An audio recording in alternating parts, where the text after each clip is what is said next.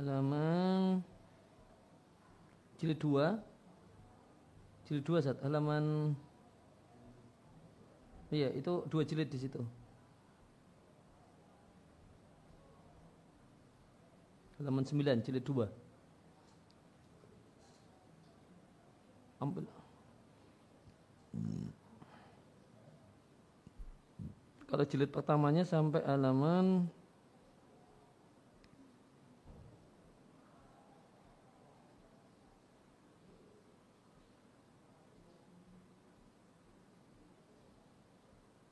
seratus enam empat.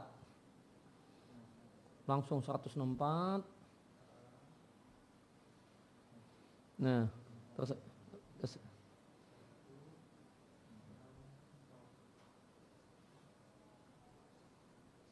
Ketemu? Langsung ambil antum. Jusani.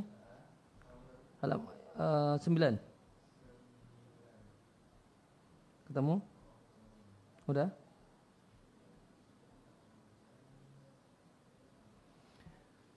Ya.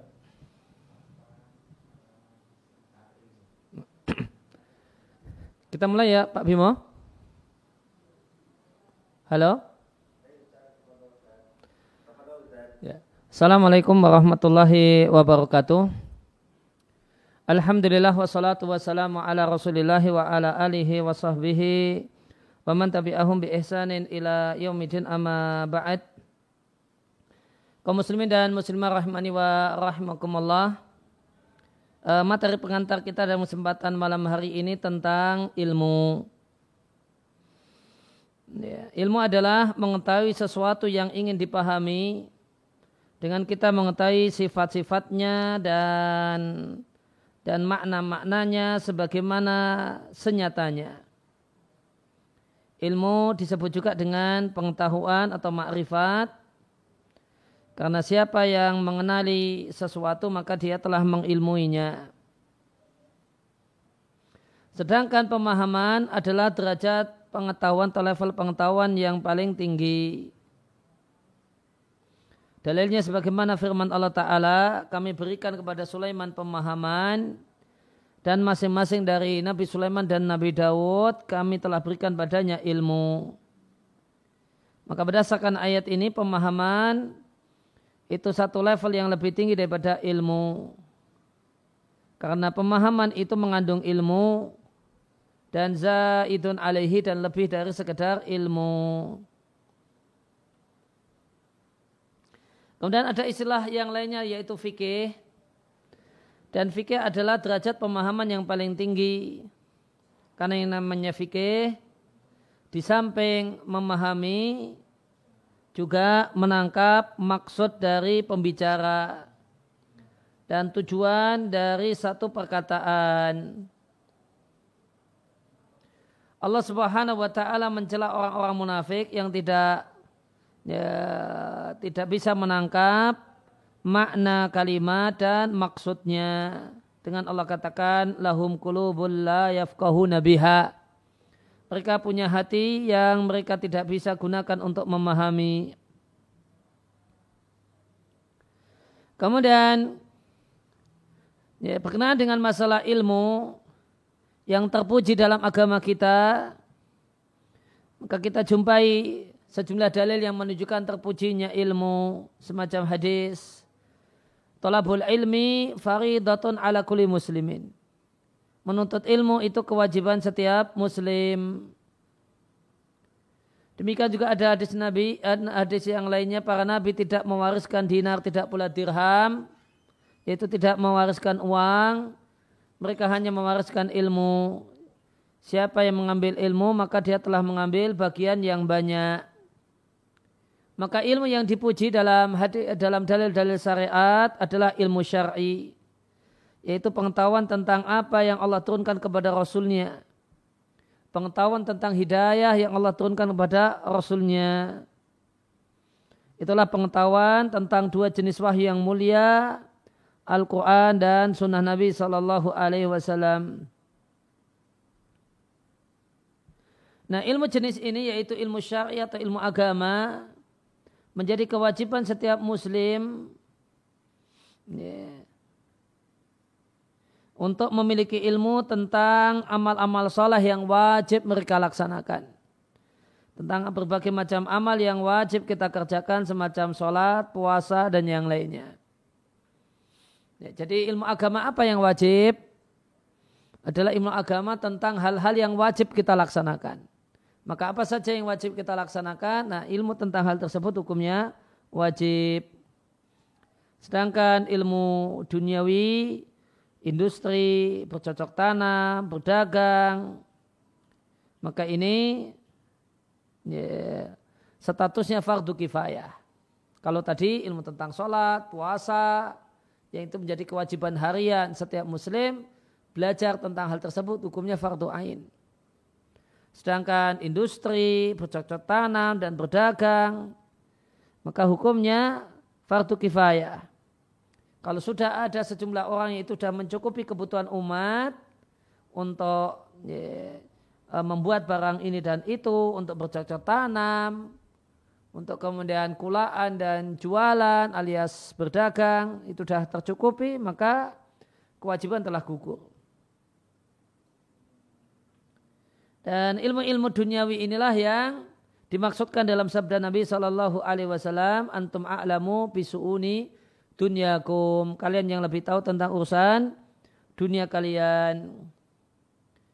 Ya, maka ilmu belajar ilmu atau mengajarkan ilmu termasuk amal soleh yang paling mulia, ibadah yang paling agung, yang dengannya seorang hamba mendekatkan diri kepada Allah Subhanahu wa taala.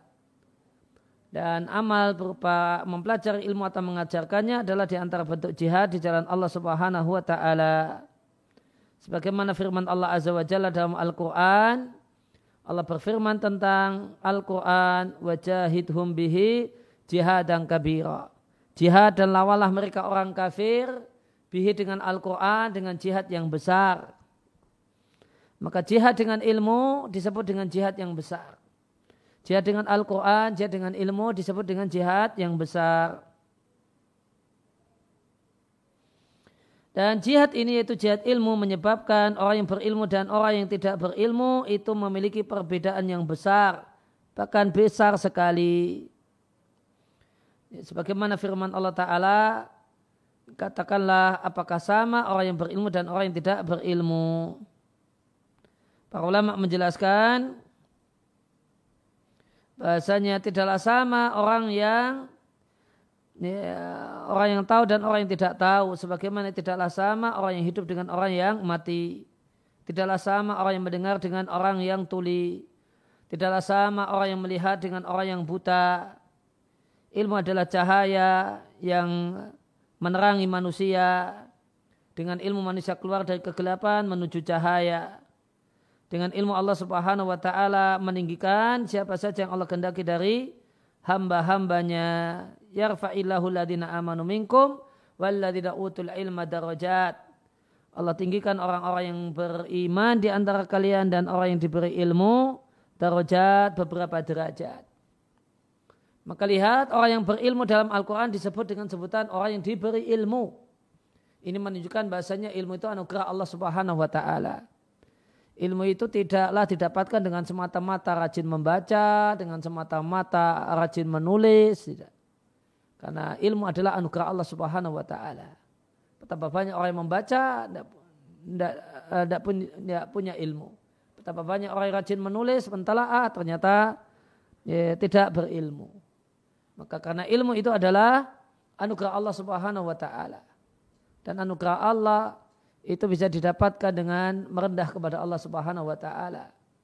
Dengan rajin berdoa kepada Allah Subhanahu wa taala, dengan bertakwa kepada Allah Subhanahu wa taala, yang inilah yang menjadi sebab Allah memberikan ilmu.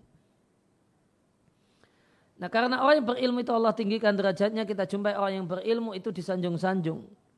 Setiap kali mereka disebut, maka masyarakat menyanjungnya. Maka inilah tingginya derajat orang yang berilmu di dunia. Sedangkan di akhirat maka mereka akan ditinggikan derajatnya di surga berbanding lurus dengan amal yang mereka lakukan. Uh, berbanding lurus dengan semangat kegigihan mereka dalam dakwah. Dan berbanding lurus dengan ilmu yang telah diamalkan. Dan ilmu adalah asas semua amal dari dimulai dari tauhid dan akidah. Itu asasnya ilmu sehingga Allah katakan di surat Muhammad fa'la maka ilmuilah bahasanya tiada sesembahan yang berat disembah tiada sesembahan yang berat disembah melainkan Allah bahkan eh, ilmu itu mencakup semua amal Sebagaimana sabda Nabi Shallallahu Alaihi Wasallam, Innamal a'malu bin niat. Semua amal itu tergantung niat. Maka siapa yang tidak tahu, orang yang tidak berilmu, dia tentu tidak akan bisa memanage dengan baik niatnya, tidak bisa menentukan dengan baik niatnya, dan tidak mengetahui Ya, dan orang yang tidak memiliki ilmu maka tidaklah mengetahui kewajiban-kewajiban niat. Ya. Maka orang yang tidak berilmu tidak akan mampu melaksanakan hal-hal yang Allah wajibkan. Ya. Maka tidak akan ya, orang yang tidak berilmu tidak akan mampu ya, mengisahkan Allah Subhanahu wa taala yang merupakan kewajiban hamba ya, tidak akan mampu mengisahkan Allah sebagaimana yang Allah inginkan. Demikian juga orang yang tidak berilmu tidak akan mampu mengerjakan sholat dengan baik, yaitu sholat sebagaimana sholatnya Nabi Shallallahu Alaihi Wasallam. Nabi mengatakan salu kamar wa muni usalli. Salalah kalian sebagaimana kalian melihat aku mengerjakan sholat. Dan Ya, orang yang tidak berilmu tidak akan mampu membayar zakat sebagaimana diajarkan oleh Rasulullah Sallallahu Alaihi Wasallam. Orang yang tidak berilmu tidak akan mampu berhaji sebagaimana hajinya Rasulullah Sallallahu Alaihi Wasallam.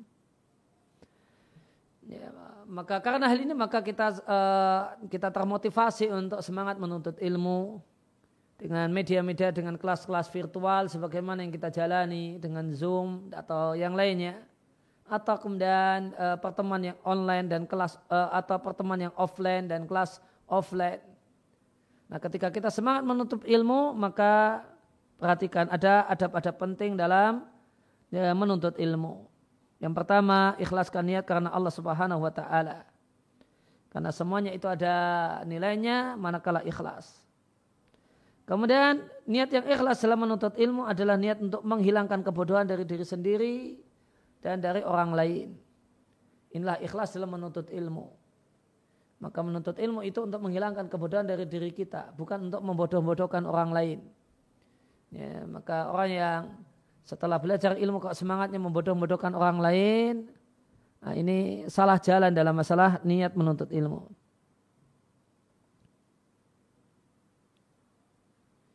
Maka demikian juga menghilangkan kebodohan dari orang lain. Maka siapa yang berniat untuk menghilangkan kebodohan dari dirinya dan orang lain, maka dia termasuk dalam ya, golongan orang yang betul-betul menuntut ilmu dan belajar agama. Dan jika seorang itu kemudian betul-betul uh, termasuk orang yang berilmu, berilmu tentang Allah Subhanahu wa taala, maka ilmu tentang Allah Subhanahu wa taala itu akan melahirkan dan membuahkan rasa takut kepadanya, rasa takut dengan azabnya dan akan mendorong untuk melakukan ketaatan. Sehingga orang yang betul-betul berilmu dengan ilmu agama, maka dia akan menjadi orang yang sangat-sangat besar rasa takutnya kepada Allah Subhanahu wa taala. Oleh karena itu Allah katakan, "Inna yakhshallaha min ibadihil ulama." Yang paling besar rasa takutnya kepada Allah adalah para ulama. Dan di antara ada penting dalam, uh, dalam menuntut ilmu adalah mengamalkan ilmu. Karena ilmu adalah pohon dan buahnya adalah amal. Dan ilmu di sini mencakup ilmu akidah, ibadah, akhlak, adab, dan ilmu tentang berbagai macam transaksi. Dan Nabi Shallallahu Alaihi Wasallam menyampaikan, ya, Al-Quran yaitu ilmu agama itu cuma ada dua pilihan. Nanti akan menjadi penuntut atau akan menjadi pembela. Tidak ada opsi yang netral, tidak menjadi penuntut dan tidak menjadi pembela, tidak ada. Maka ilmu agama itu akan jadi pembela jika ya, jika kita laksanakan, jika kita amalkan. Dan akan jadi penuntut jika tidak diamalkan. Tidak jika tidak dilaksanakan apa saja yang diperintahkan. Kemudian adab yang lain dari uh, penuntut ilmu adalah ya, semangat untuk berdakwah. Karena berdakwah mengajak orang pada kebaikan adalah ya, min ahsanil ilmi wa ajallihi. Ya, ya, adalah, il, adalah ilmu yang paling mulia. Adalah ilmu yang membuahkan semangat untuk uh, semangat untuk berdakwah. Sebagaimana firman Allah Ta'ala, "Wa man asanu qawlan mimman da'a ila Allah wa salihah wa qala innani minal muslimin." Siapakah orang yang lebih baik perkataannya dibandingkan orang yang berdakwah mengajak manusia kepada Allah dan beramal soleh dan mengatakan dengan penuh ketawaduan, aku adalah bagian dari kaum muslimin. Kemudian ilmu yang paling mulia, ilmu yang paling penting adalah ilmu tentang Al-Quran dan hadis Nabi. Karena itulah uh, alat untuk selamat dari kesesatan.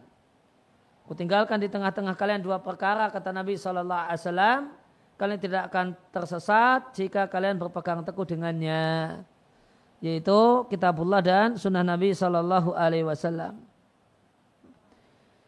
Ini adab seorang penuntut ilmu terhadap dirinya sendiri. Maka di samping itu menjadi kewajiban penuntut ilmu untuk menghiasi dirinya dengan adab, adab dengan gurunya. Di antara bentuk adab adalah bersabar untuk belajar dengan gurunya dengan tidak pernah bosan, tidak berhenti, dan tidak membuka pintu bosan pada dirinya.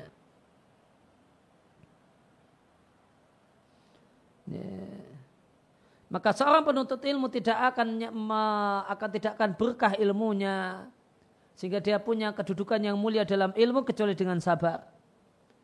Ya. Dan sabar yang paling utama adalah sabar dengan gurunya.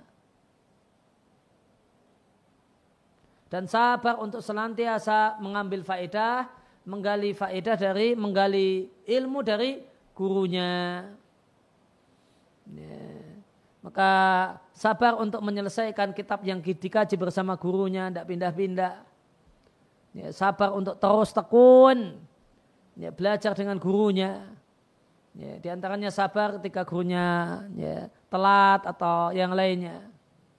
Ya, maka ya, tentu beliau sebagai seorang manusia punya ya, punya kebutuhan yang kadang uh, punya kebutuhan dan keperluan sehingga menghalangi untuk tidak bisa ideal dalam kondisi-kondisi tertentu telah datangnya atau kemudian cepat pulangnya ya, biasanya jam sekian namun dicukupkan sekian karena ada keperluan yang mendesak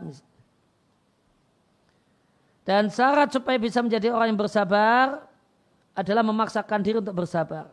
Wa sobar, siapa yang melatih dirinya untuk bersabar, maka Allah akan berikan padanya sifat sabar. Demikian juga di antara uh, di antara ada adalah menghormati ustadz dan menghargainya.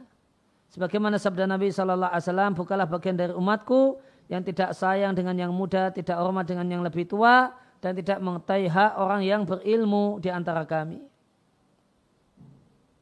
Dan umumnya seorang pengajar, guru ngaji itu umumnya terkumpul padanya dua hal. Dia lebih lebih tua daripada murid-muridnya dan ya, dan lebih luas ilmunya sehingga berarti punya dua hak. Ya, namun seandainya lebih muda tetap punya satu hak yaitu hak sebagai seorang yang berilmu.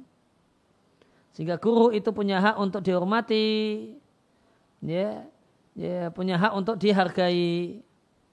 Kemudian poin selanjutnya adalah kiat-kiat supaya sukses menuntut ilmu. Supaya ilmu yang dipelajari dengan ikut kajian, dengan baca buku dan yang lainnya itu ada manfaatnya. Yang pertama adalah bertakwa kepada Allah Subhanahu wa taala. Yaitu dengan menjalankan hal-hal yang Allah perintahkan dan menjauhi hal-hal yang Allah larang yaitu semua bentuk kemaksiatan. Maka takwa adalah di antara kunci pembuka ilmu, di antara termasuk pintu ilmu dan sebab seorang itu mendapatkan ilmu.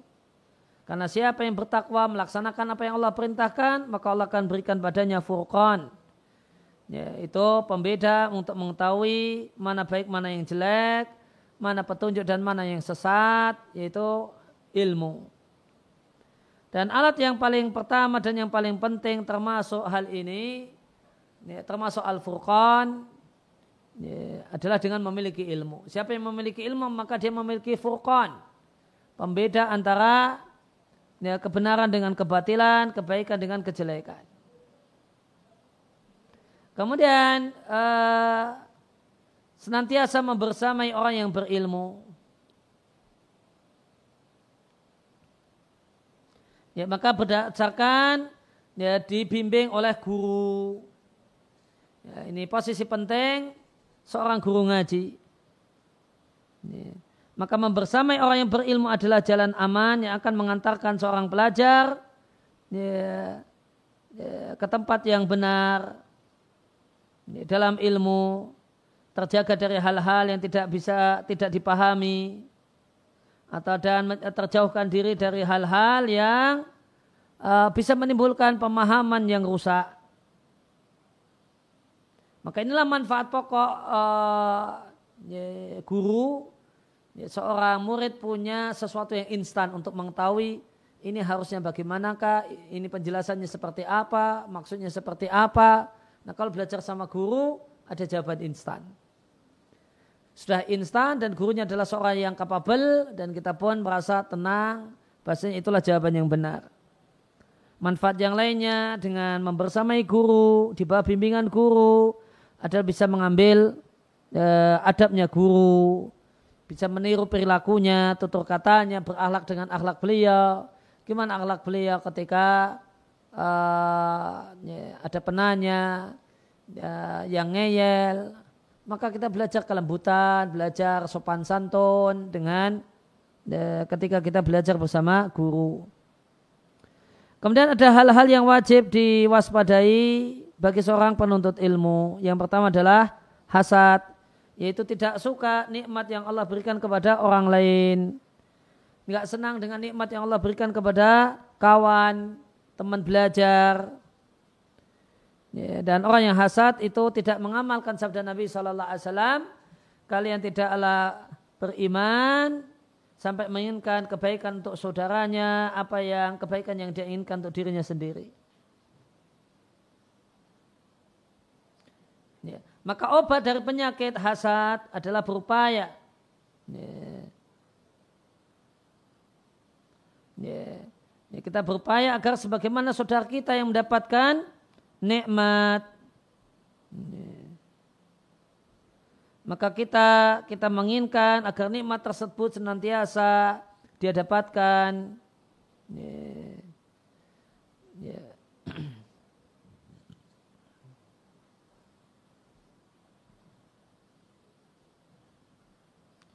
Kemudian hal yang patut diwaspadai oleh para penuntut ilmu adalah berbicara tentang masalah agama tanpa ilmu. Maka berbicara tanpa ilmu, tanpa data dan fakta dalam masalah dunia itu tercela. Oleh karena itu kita jumpai dokter tidaklah semestinya tidak berbicara tentang masalah teknik. Ahli bangunan tidak bisa berbicara tentang masalah dunia pendidikan. Ya, dan koki, ya, Selayaknya tidak banyak bicara tentang masalah bercocok tanam. Maka bicara tanpa dasar dalam perkara dunia tercela. Maka bagaimanakah lagi jika itu berbicara tentang masalah syariat, tentang masalah agama tentu lebih tercela lagi. Kemudian di antara sifat yang wajib diwaspadai oleh penuntut ilmu adalah atakabur sombong. Maka jangan sampai ilmu yang dipelajari itu membuahkan kesombongan akademik, ya, kesombongan karena memiliki ilmu dan sombong adalah sifat yang jelek, sifat yang rendah. Dan ini disebabkan karena bisikan setan. Ya, maka setan memberikan bisikan-bisikan. Ya, bahasanya dengan sombong Anda akan jadi besar. Padahal realitanya dengan sombong orang itu jadi rendah. Dan dengan tawadu orang itu akan jadi naik.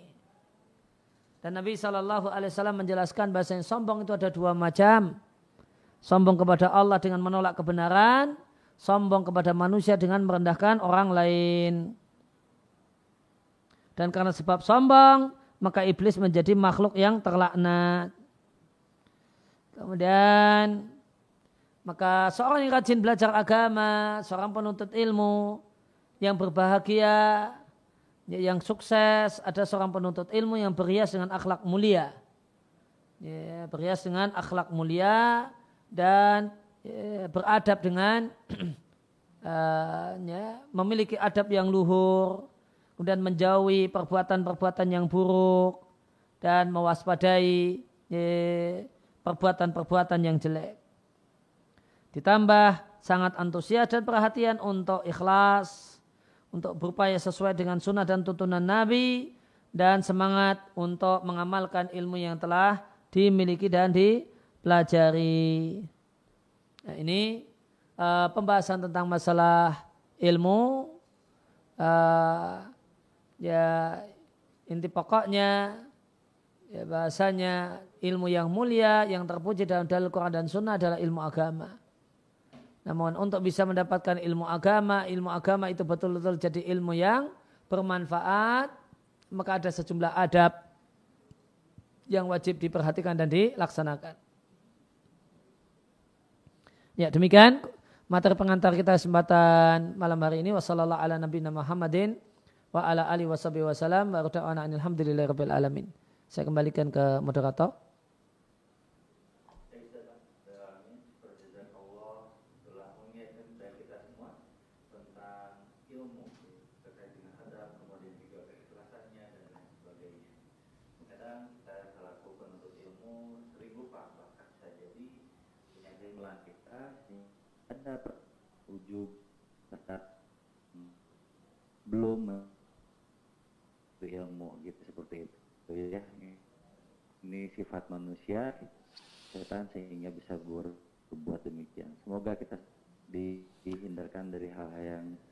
demikian. Amin. Dan kita digolongkan sebagai orang-orang yang ikhlas. Baik Ustaz ini ada pertanyaan pertama di Rozan Murukaya Bismillahirrahmanirrahim. Adakah Nabi SAW ketika Ustaz? Eh uh, tolong diulangi Pak. Putus-putus di tolong diulang tolong diulangi putus-putus. Oh putus ya? Iya di di sini putus-putus. Hujan di sini. Baik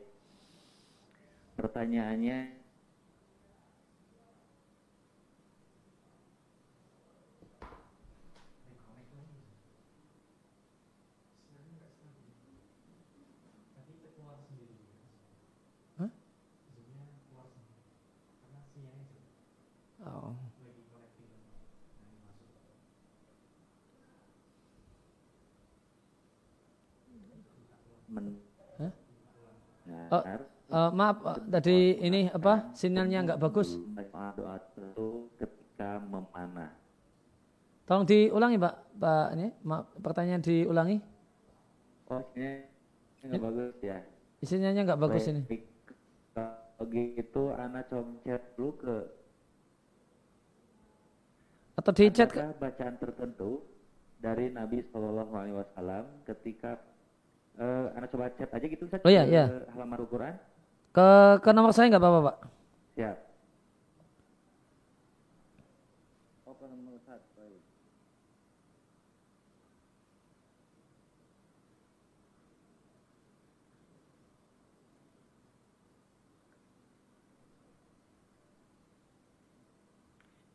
Ya, itu sudah nak kirim ke, ke chat, Ustaz. Mm -hmm.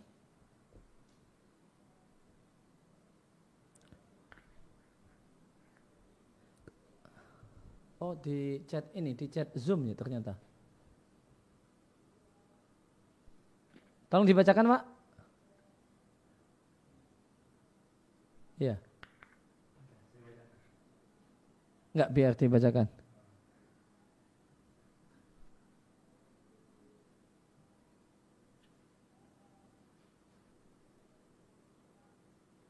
Uh, ini kalau dikirim, uh -uh. Uh, kalau dikirim ke WA, kirimkan ke WA aja, Pak. Oh ini, oh yes, oh sudah. Sudah saya kirim, Ustaz. Oh iya iya iya. Uh, ini. Ya ada pertanyaan, adakah bacaan tertentu dari Nabi Shallallahu Alaihi Wasallam ketika memanah? Uh, sebatas yang saya tahu tidak ada zikir tertentu yang Nabi ajarkan, Nabi tuntunkan untuk memanah.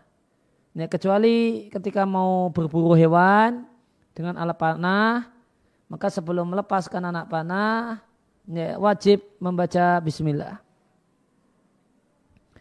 Ya, kemudian saya pernah mendengar sebagian orang mengatakan bahasa pemanah zaman dulu membaca doa-doa tertentu ketika memanah. Semisal di saat memasang anak panah, membaca bismillah. Kemudian di saat melepaskan anak panah, membaca la haula wala quwata illa billah. Ketika anak panah telah terlepas, membaca yang hak. Ya hak. Dan yang terakhir setelah mendapatkan hasilnya, kita harus ridha dengannya dan mengucapkan Alhamdulillah hada min fadli rabbi. Ya, detail semacam ini ya, tidak berasal dari Nabi Sallallahu Alaihi Wasallam.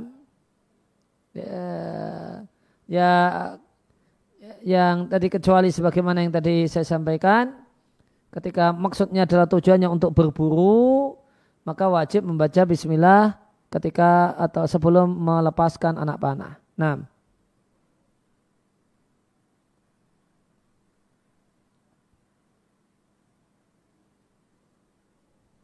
Halo, halo, cek, cek. Putus lagi.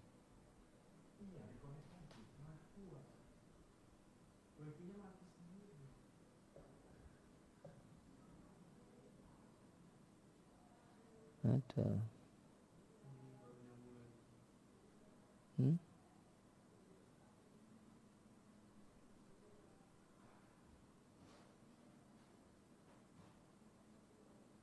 Ini ya alamin. Saya ingin bertanya bagaimana hukum menggendong bayi yang sedang menangis saat anak sedang sholat berlangsung. Apa pendapat yang mengatakan bahwa tidak boleh karena bayi menggunakan pupuk yang di dalamnya ada najis. Uh, mohon penjelasannya Ustaz. Jazakallahu khairan wa barakallahu fiik. Ya, jadi menggendong bayi itu ada dua rincian. Kalau bisa kita pastikan pampersnya itu bersih karena baru saja ganti, uh, maka tidak mengapa. Namun jika uh, kita punya sangkaan kuat karena ini sudah pakai pampers sudah sejam yang lewat, ya, kita punya sangkaan kuat bahasanya di pampersnya itu ada najis maka tidak boleh ya, menggendong bayi ketika itu. Nah,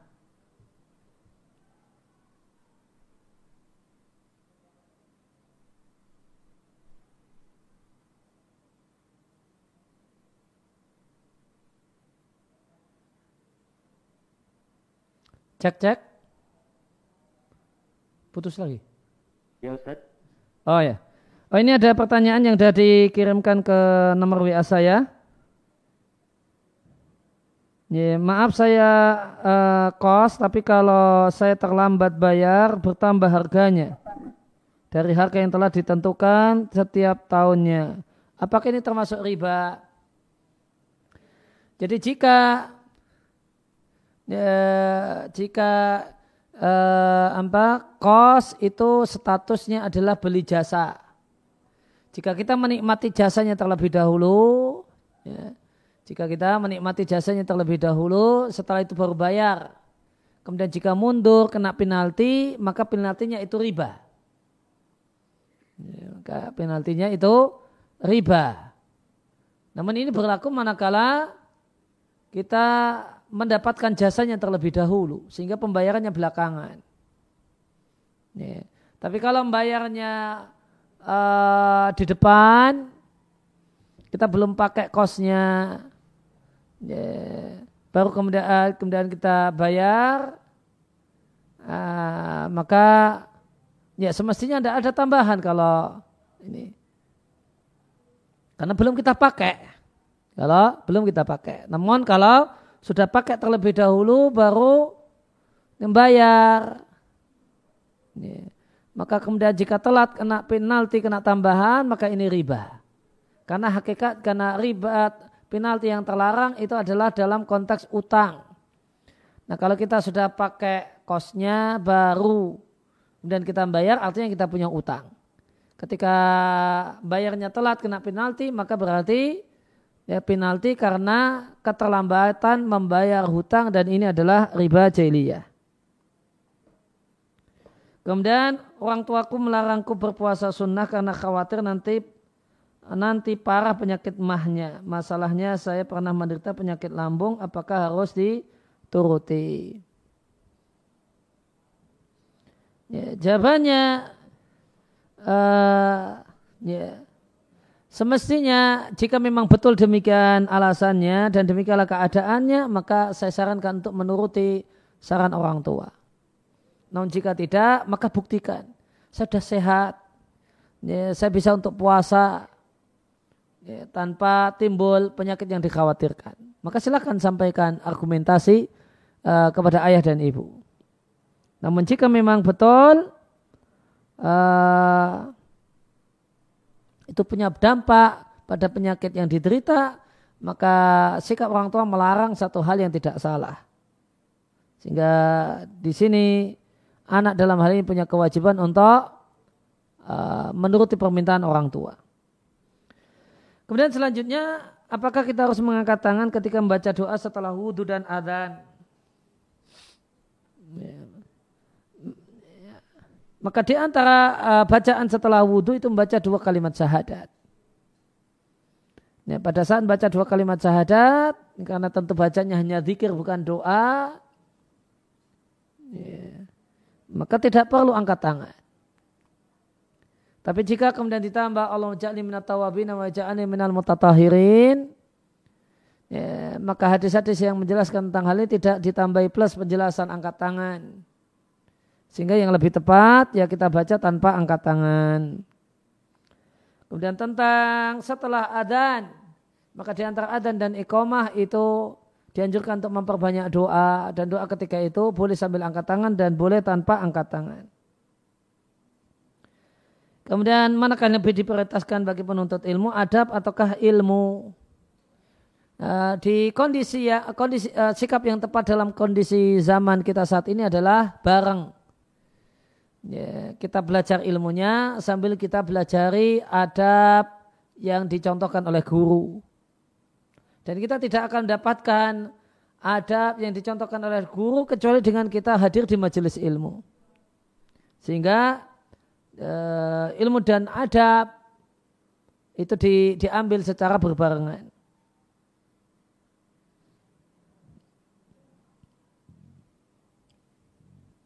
Kapan ilmu dunia itu hukumnya wajib bagi seorang muslim?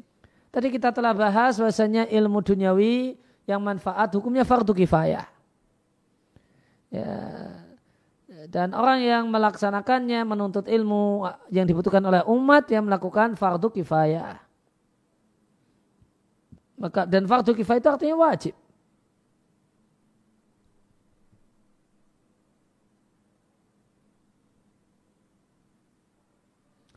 Kemudian selanjutnya pada titik manakah seorang itu boleh berdakwah? Ya. Ya, maka ya, dakwah tidak harus uh, dakwah itu macam-macam bisa dakwah dalam bentuk mengajar dan dakwah dalam bentuk mengajak. Kalau dakwah dalam bentuk mengajar ya maka perlu keahlian, ya, sudah kemudian betul-betul kapabel, sudah kemudian berilmu, nah, baru layak untuk uh, mengajarkan sehingga tidak mengajarkan materi yang menyimpang.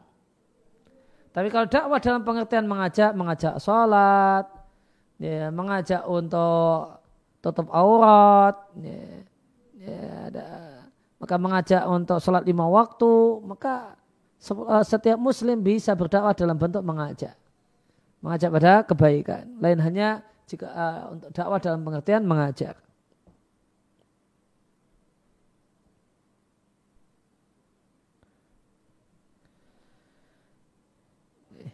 Ya, jika kita bila kita mengingatkan satu amal yang tidak ada tuntunnya sering kali yang terjadi adalah perdebatan dan kadang ilmu tidak mencukupi itu hal tersebut. Nah, kalau uh, dakwah dalam artian meluruskan pemahaman yang menyimpang, ah, ini perlu ilmu yang mapan. Perlu ilmu yang mapan. Jika kalau belum ada, punya ilmu yang mapan, maka jangan uh, masuk dalam hal-hal yang memancing perdebatan. Sampaikan demikian sebatas yang saya tahu. Ya mungkin bisa diambil manfaatnya saya share sebatas apa yang saya tahu. Mudah-mudahan bisa diambil manfaatnya. Demikian ya, sikap yang tepat.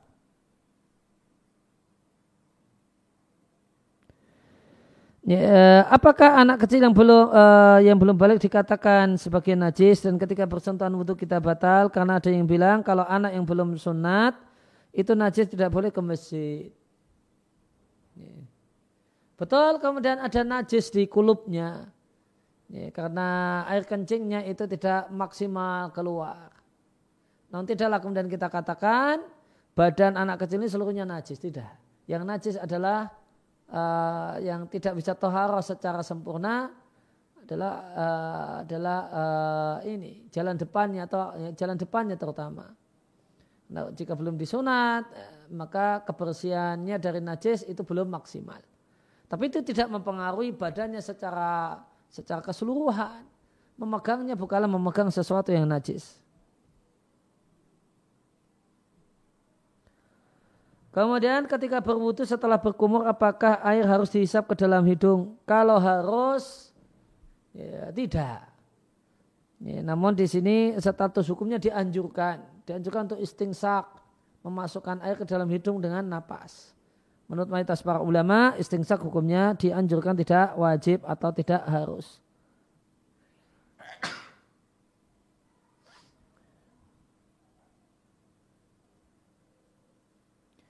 Ya, kemudian uh, pertanyaan selanjutnya, bolehkah saat sujud setelah membaca doa sujud membaca lemah fili wali walidayya warhamu maka marabani saghira? Jawabannya sangat boleh. Nah, lanjutnya masih ada pertanyaan?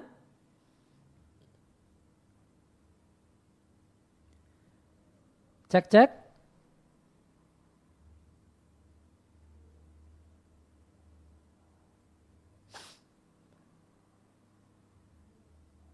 Halo, halo? Tes, tes? Masuk, Ustaz. Uh, ya, Ustaz. Selanjutnya ada pertanyaan, Ustaz. Iya. Uh, Assalamualaikum Ustaz, izin bertanya. Waalaikumsalam. Di kamar mandi tergabung dengan WC. Hmm. Uh, bolehkah wudhu di kamar mandi yang bergabung dengan WC? Jawabannya boleh. Ya, karena yang jadi pokok permasalahan adalah najis. Jika najisnya sudah bersih, kita misalnya kencing, kemudian sudah kita siram, sudah masuk lubang, sehingga lantai itu bersih, maka tidak masalah berwudu di tempat tersebut. Kemudian pertanyaan yang lainnya yang uh, dikirimkan ke WA saya, apakah termasuk syirik jika kita menganggap bahasanya suatu cobaan atau penyakit yang datang kepada kita, dikarenakan perbuatan atau kemaksiatan yang kita lakukan? Jawabannya tidak. Bahkan itulah yang benar. Karena uh, semua musibah itu karena uh, karena dosa yang kita lakukan. Bama asabakum min musibatin fabima kasabat aidikum. Dan semua musibah yang menimpa kalian itu karena sebab ulah tangan kalian. Yaitu karena kemaksiatan. Maka uh, meyakini bahasa musibah ini karena sebab uh, maksiat yang dilakukan satu anggapan yang tidak salah. Nah,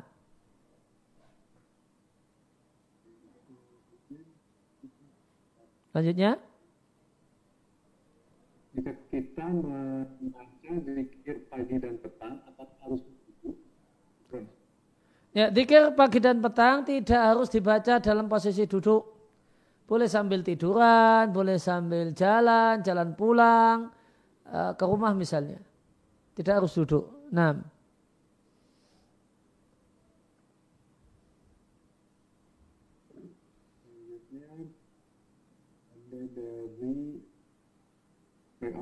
Bagaimana hukum memakan rendang atau makanan yang memakai bumbu dari bumbu dari bumbu rendang uh -uh. makanan yang memakai bumbu dari buah pala bumbu dari buah pala ya. uh, Ya. Penjelasan para ulama menunjukkan bahasanya buah pala itu memabukkan. Buah pala itu memabukkan. Maka mengkonsumsi buah pala secara langsung ini tidak boleh. Kalau kemudian buah pala ini dicampur dengan yang lainnya, sehingga jadi bumbu, ya, maka dilihat masih efek punya efek memabukkan yang itu dimiliki oleh buah pala atau tidak. Jika tidak, maka pada dasarnya tidak mengapa. Cuma kita bedakan antara gimana dengan orang yang uh, orang yang tidak tahu kemudian menikmati dengan orang yang sengaja memasukkan sesuatu yang haram ya, atau sesuatu yang bermasalah ke kepada makanan. Maka tidak boleh tentunya bersengaja uh, mencampurkan dengan sesuatu hal yang haram pada uh, makanan yang akan kita makan. Nah.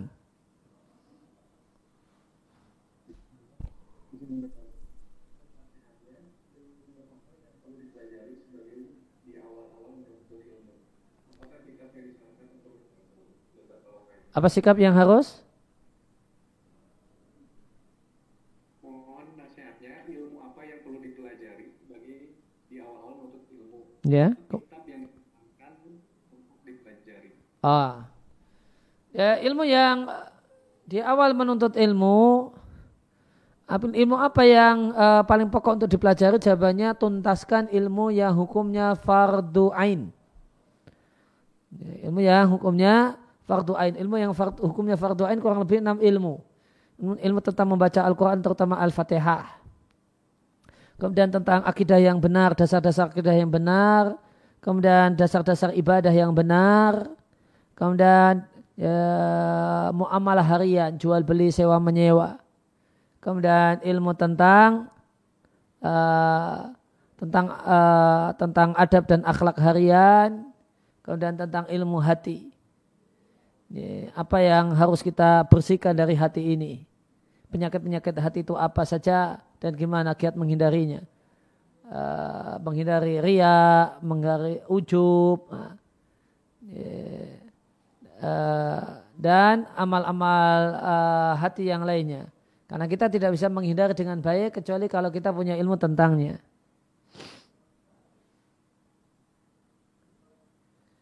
Kemudian ada pertanyaan uh, via chat, langsung saya jawab. Untuk dikir pagi dan petang, apakah harus dalam keadaan berwudu? Jawabnya tidak. Tidak harus dalam keadaan berwudu. Dikir itu dianjurkan dalam keadaan berwudu, namun tidak harus.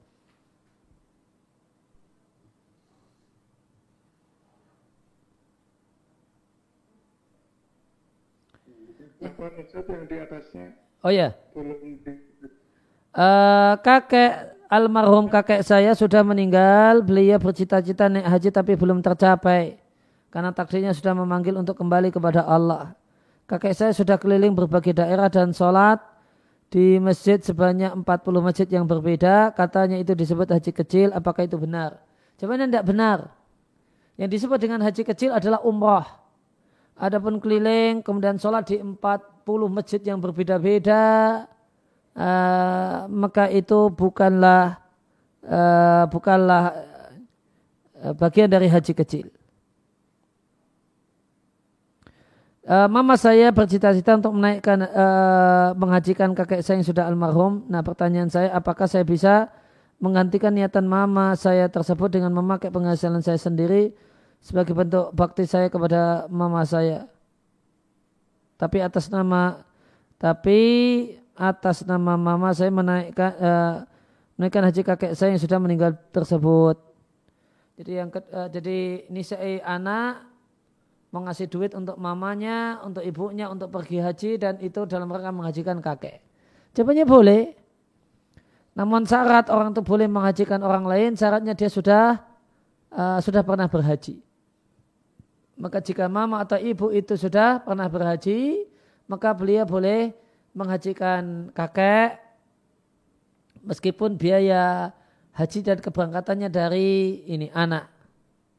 Kemudian yang ketiga, eh, apa hukumnya? Apakah ada dalil yang menjelaskan tentang dibolehkan menaikkan haji orang yang sudah meninggal? Jawabannya boleh dengan syarat orang yang menghajikan sudah telah pernah haji terlebih dahulu. Ya, yang menghajikan itu sudah pernah haji terlebih dahulu. Dalilnya ada di hadis itu ya, ada di hadis Nabi Shallallahu Alaihi Wasallam.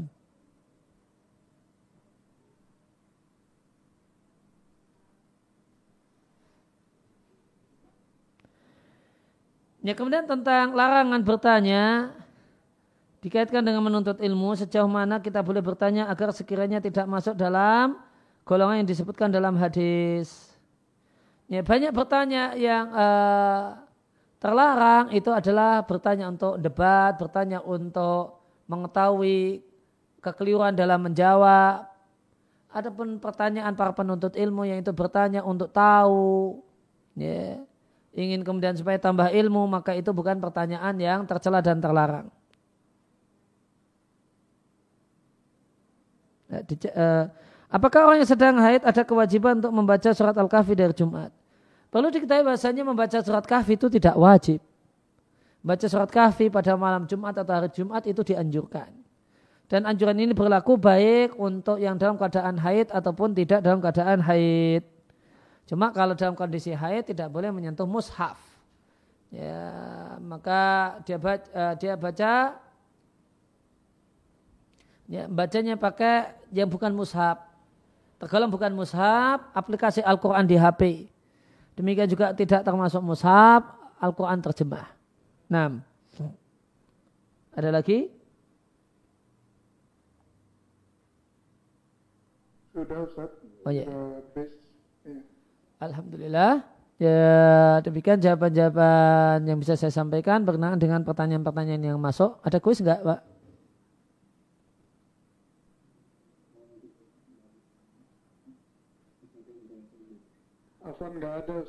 Oh ya. Ya uh, demikian kurang lebihnya yang kita bahas, kita kaji dan kita respon serta kita jawab. Ya, sebelum diakhiri saya ucapkan terima kasih kepada Bapak dan Ibu sekalian atas kehadirannya di uh, kelas virtual ini. Semoga kehadiran kita di kelas ini Allah catat sebagai amal soleh yang memperberat timbangan kebajikan kita. Di hari tidaklah bermanfaat harta dan anak. Kecuali orang menghadap Allah dengan uh, dengan hati yang bersih dan amal yang soleh. Kemudian saya ucapkan terima kasih yang sebesar-besarnya. Jazakumullah khairan kepada semua segenap panitia dari uh, pekerja mengaji dan Haku TV demikian eh, media-media yang boleh jadi merelai uh, acara kajian ini. Semoga Allah Subhanahu wa taala memberikan balasan yang terbaik di dunia dan di akhirat untuk semua orang yang punya kontribusi berjalannya kajian ini dengan baik. Kemudian sebelumnya tadi uh, saya mohon maaf juga uh, terlambat tidak sebagaimana jadwal semestinya karena ada satu udur satu halangan. Jadi ada keperluan di luar pondok. Kemudian balik uh, dan berusaha untuk bisa ngisi di ya kurang lebih masih di waktunya gitu. Eh, mohon dimaafkan. Demikian kurang lebihnya mohon maaf. Wassalamualaikum warahmatullahi wabarakatuh